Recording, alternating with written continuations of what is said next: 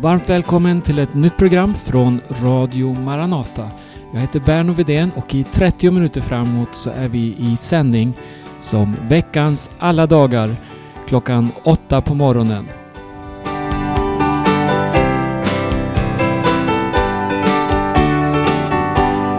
Gud bor inte i hus byggda av människohänder. Vem bor där då? Kan vi fråga oss. Ja, många gånger så säger vi att Guds hus, det är en kyrka, ett tempel, en katedral, en ståtlig byggnad någonstans. Kristna älskar kyrkobyggnader. Och så fort en ny församling startas så har man ofta som mål att bygga en kyrka. Man säger att det här är Guds hus, välkommen till kyrkan. Man visar vördnad, ödmjukhet, ödmjukhet exempelvis när man talar då om den platsen, den byggnaden. Och många gånger så, så dekoreras också detta hus med olika religiösa symboler. Men, ja, ett viktigt men. Inget av detta har något samröre eller någon anknytning till Nya testamentets församlingsliv. Där så handlade det istället om att var och en av de troende, bröder och systrar, var tempel för Herren. Det var templet, syskonen själva. Gud tog sin boning i var och en. Exempelvis så skriver Paulus så här till Filemon i hälsningen, andra versen. Församlingen som kommer tillsammans i ditt hus. Nu lyssnar vi först till en sång där Magdalena sjunger. Jesus,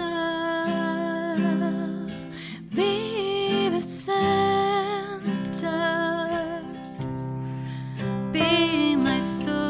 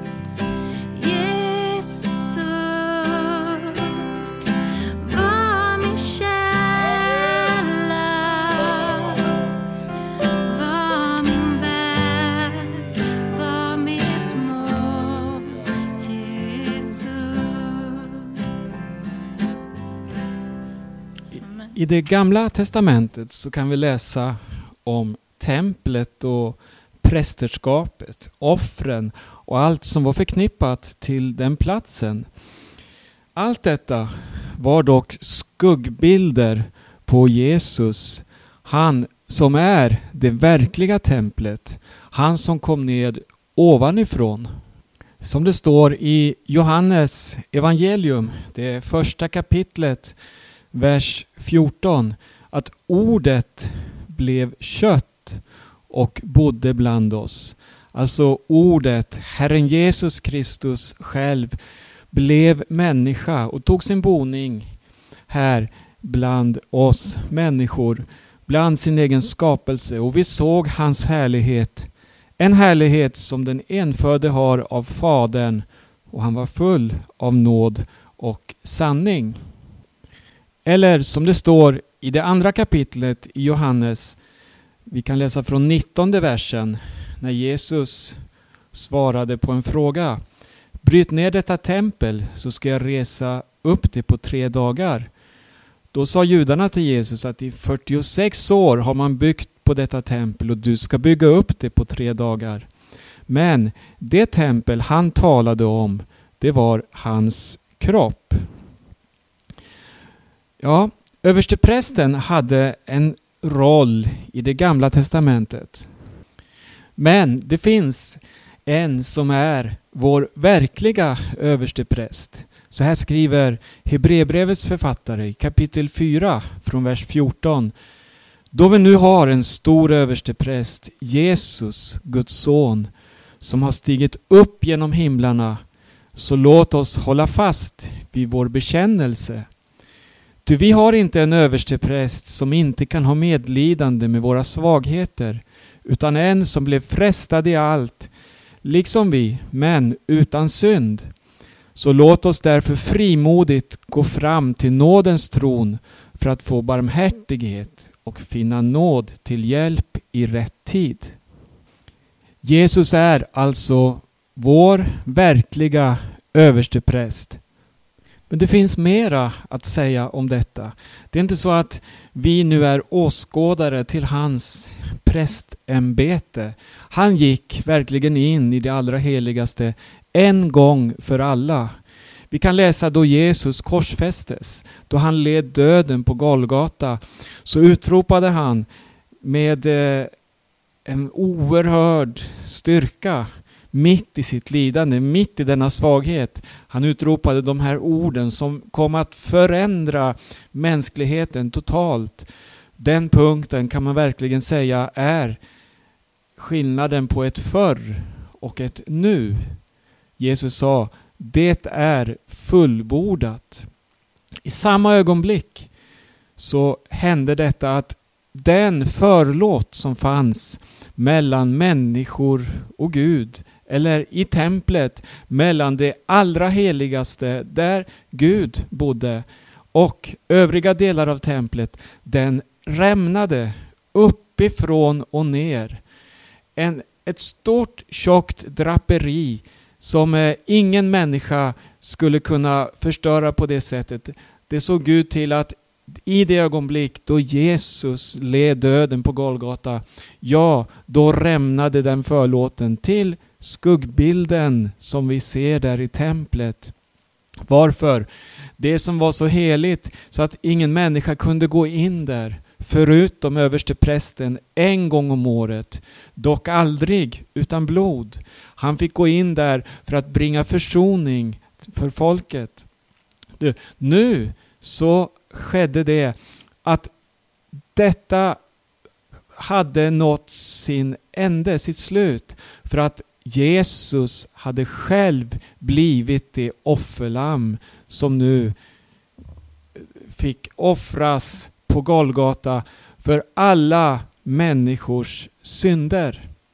I och med detta så blev du och jag försonade med honom. Vi blev frälsta i det ögonblick som vi säger ja till Jesus och tar emot honom. Hans blod renar oss från all synd.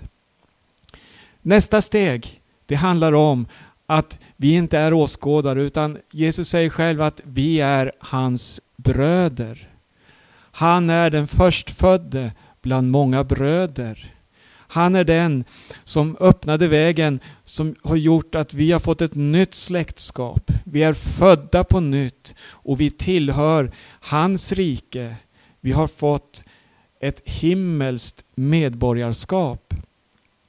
I eh, första Petrus brev kapitel 2 och vers 9 där står det så här att vi är ett utvalt släkte ett konungsligt prästerskap, ett heligt folk, ett Guds eget folk, för att ni ska förkunna hans härliga gärningar. Han som har kallat er från mörkret till sitt underbara ljus. Det här är stort. Vi är inte åskådare. Han är översteprästen. Men du, vi är också präster tillsammans med honom. Vi är i och med att Jesus tar sin boning i våra hjärtan. Vi blir en boning för den helige Ande. Ja, hela treenigheten tar bokstavligen sin boning där det finns ett ödmjukt hjärta som säger ja till Jesus. Då blir vi tempel för Gud och vi blir också präster i den bemärkelsen att vi är med och förrättar tjänst. Och det gör vi genom att, som det stod här, vi förkunnar hans härliga gärningar. Eller som Johannes skriver i Uppenbarelsebokens första kapitel, vers 6. Han har gjort oss till ett konungadöme, till präster åt sin Gud och Fader. Honom tillhör äran och makten i evigheternas evigheter. Amen. Jesus uppfyllde alltså allt och satte stopp för skuggbilderna, eller satte punkt för det. De behövs inte längre. Det, det finns någonting som verkligen särskiljer kristendomen från övriga religioner. Judendomen hade sitt tempel och man fortsatte även efter Golgataverket med sina ceremonier. Och så kan vi läsa om de grekiska, romerska hedningarna som hade sin ritual, alltså sina tempel, sina präster. Religionerna runt omkring hade sitt prästerskap och man hade sina byggnader och traditioner som man hela tiden vände åter till. Man hade också en slags offertjänst. Här kommer något mycket speciellt, nämligen kristendomen. Den första religionen som inte har något tempel överhuvudtaget. Utan man samlas i hemmen, i enkelhet eller där man är tillsammans, två eller tre, i Jesu namn, så vet man att han är mitt ibland dem. Det behövs inga andra yttre eh, attiraljer för, för detta församlande, utan man är tempel för den helige Ande och Gud är verkligen mitt ibland sitt folk. Omgivna av synagogor och hedniska tempel så förstod man att man är ett Guds hus. Det står i första Korintierbrevet 3 och 16 så här. Vet ni inte att ni är ett Guds tempel och att Guds ande bor i eder? Eller som det står i Fesebrevets andra kapitel verserna 20-22. Ni är uppbyggda på apostlarnas och profeternas grund. Där hörnstenen är Kristus Jesus själv. Genom honom fogas hela byggnaden samman och växer upp till ett heligt tempel i Herren. I honom blir också ni uppbyggda till en Guds boning i anden.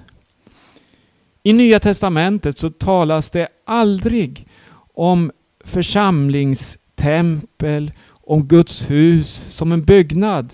Nej, Man samlades som sagt i hemmen utan präster som, så som vi tänker, utan offer. Det var först senare under historiens gång som eh, det skapades ett professionellt prästerskap. Först under Konstantins tid, på 300-talet, så blev det vanligt att det växte upp stora sakrala byggnader och Herrens måltid gjordes till ett magiskt offer. Det infördes så småningom i den kanoniska lagen att en kyrka det är en sakral byggnad ämnad för tillbedjan. Det finns alltså inga rötter i Guds ord om detta i det nytestamentliga församlingslivet men däremot i den traditionella kyrkan som har varit med och format vårt gudstjänstväsen, vårt sätt att tänka. Ja, det är en tradition som bygger på många århundradens vanor som är svåra att bryta, svåra att skönja. Vi tar det för givet att det här är kristendom och så ser vi kyrkobyggnader, vi ser mötesformer, gudstjänstformer. Men då vi söker i det nya testamentet upptäcker vi att ett nytestamentligt församlingsliv är något helt annat. Det är enkelhet. Vi är tempel. Ja, kristendomen är verkligen suverän. Den hör himmelen till. Vi är Guds rikes medborgare. Jesus, du har ingen boning med händer. Nej, du lever i var själ som på dig tror. Varje synd och sjukdom du i glädje vänder. Dig tillhör all makt i himmel och på jord. Tack, o Jesus kär, att löftena de håller. Halleluja. Intet kan nu rycka mig ur din hand.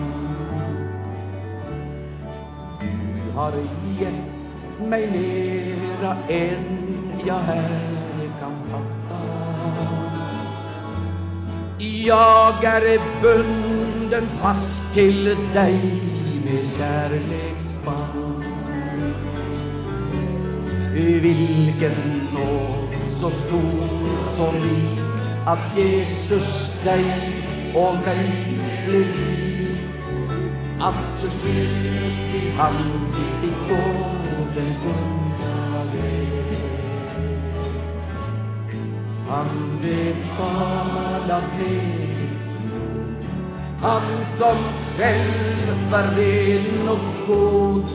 Ja, han dukar bord om var vi vill tro.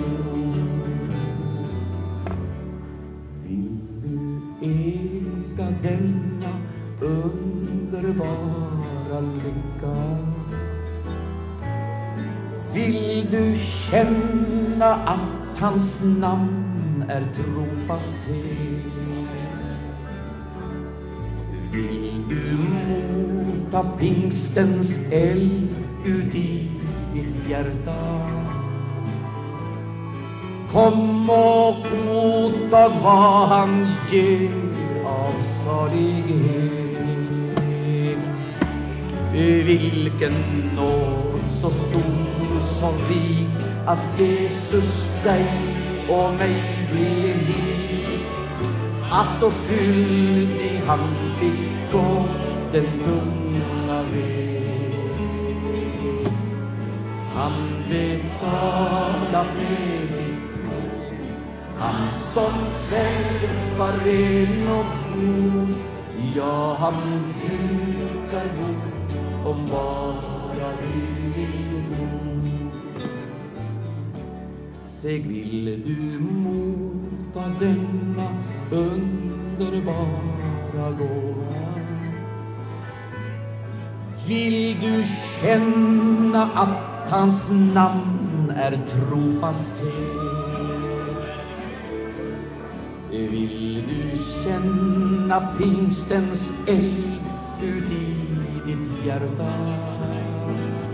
Så kom och motta vad han ger av salighet. Eh, vilken nåd så stor och rik att Jesus dig och mig blev liv att då skyldig han fick gå den tunga väg. Han betalat med sitt blod. Han som själv var ren och god. Ja, han djup är god om bara du vill tro Tack, o Jesus kär att löftena det håller Intet kan du rycka mig ut ur din hand. Du har gett mig mera än jag här kan fatta. Halleluja, halleluja, pris Gud. Vilken nåd så stor och rik att Jesus dig och mig beleg att oss skyldig han fick gå den tunga väg. Han betalat med sitt blod. Han som själv var ren och god. Han dukar bord om bara du Halleluja, halleluja. Ett fyrfaldigt halleluja till Jesus. Tack, o Jesus kär, att löftena det håller. Tror det, säg amen. Intet kan nu rycka mig han. Är det sant så säg amen. Du har gett mig mera än jag här kan fatta. Jag är bunden fast till dig med kärleksband. Är det sant så säg amen. Vilken nåd så stor och rik att Jesus dig och mig blev lik. Att då skyldig han fick gå den tunga väg. Han betalat med sitt Med den här enkla undervisningen som du får ta del av så förstår du säkert att frälsningen handlar inte om några komplicerade ting. Att man ska försöka uppnå ett visst mål. Att man behöver lära sig vissa ritualer eller besöka vissa platser. Det har ingenting med frälsning att göra. Det brukar vanligtvis kallas för religioner, då man ska ha olika religionsutövningar. Att bli frälst är att få möta Jesus. Att få möta Jesus, det är att få ett nytt liv. Att bli en ny skapelse och få en ny Herre i sitt liv. Det finns några bibelversar som jag vill få med i avslutningen av det här programmet. Det är från Romarbrevets tionde kapitel. Det står så här om rättfärdighet, alltså en rättfärdighet som kommer genom tro. Att tro. Och det står så här, fråga inte i ditt hjärta vem ska fara upp till himlen? Det vill säga för att hämta ner Kristus. Eller vem ska fara ned i avgrunden? Det vill säga för att hämta upp Kristus från de döda. Vad säger den då? Ordet är dig nära, i din mun och i ditt hjärta, nämligen trons ord som vi predikar. Om du därför med din mun bekänner att Jesus är Herren och i ditt hjärta tror att Gud har uppväckt honom från de döda ska du bli frälst. Hör vad enkelt det är. Du behöver inte åka långt upp, långt bort, åstadkomma massa omöjliga ting eller försöka att eh, genom späkelser eller andra uppoffringar få möta Gud och bli frälst. Nej, det finns någonting som finns väldigt, väldigt nära ordet. Tidigare läste vi att ordet vart kött och tog sin boning ibland oss. Ordet, det finns i din mun och i ditt hjärta. Det handlar om att du öppnar din mun och öppnar ditt hjärta och tar emot Jesus. Det står vidare så här att med hjärtat tror man och blir rättfärdig. Med munnen bekänner man och blir frälst. Ja, var och en som åkallar Herrens namn, han ska bli frälst. Så ta emot Jesus i ditt liv och du blir ett tempel för honom, ett tempel för den helige Ande. Du blir en ny skapelse. Det gamla är förbi. Se, något nytt har kommit. Och det nya, det är Jesus. Och i och med att du tar emot Jesus så blir du en del av honom. Du blir också en präst på det sättet att du får vara med och sprida denna kunskap vidare eller detta liv vidare till andra människor. Jag heter Berno Widén som talar idag och du lyssnar till Radio Maranata. Nu tackar vi för oss för den här gången. Önskar er allesammans Guds rika välsignelse. Och du hör oss närmast igen ikväll klockan 18. Då blir, det blir ett nytt spännande program. Gud välsigna var och en. Tack, o Jesus kär, att nätterna i morgon. Tror du det, säger amen. Intet kan nu rycka mig ur din hand. Är det sant så säg amen.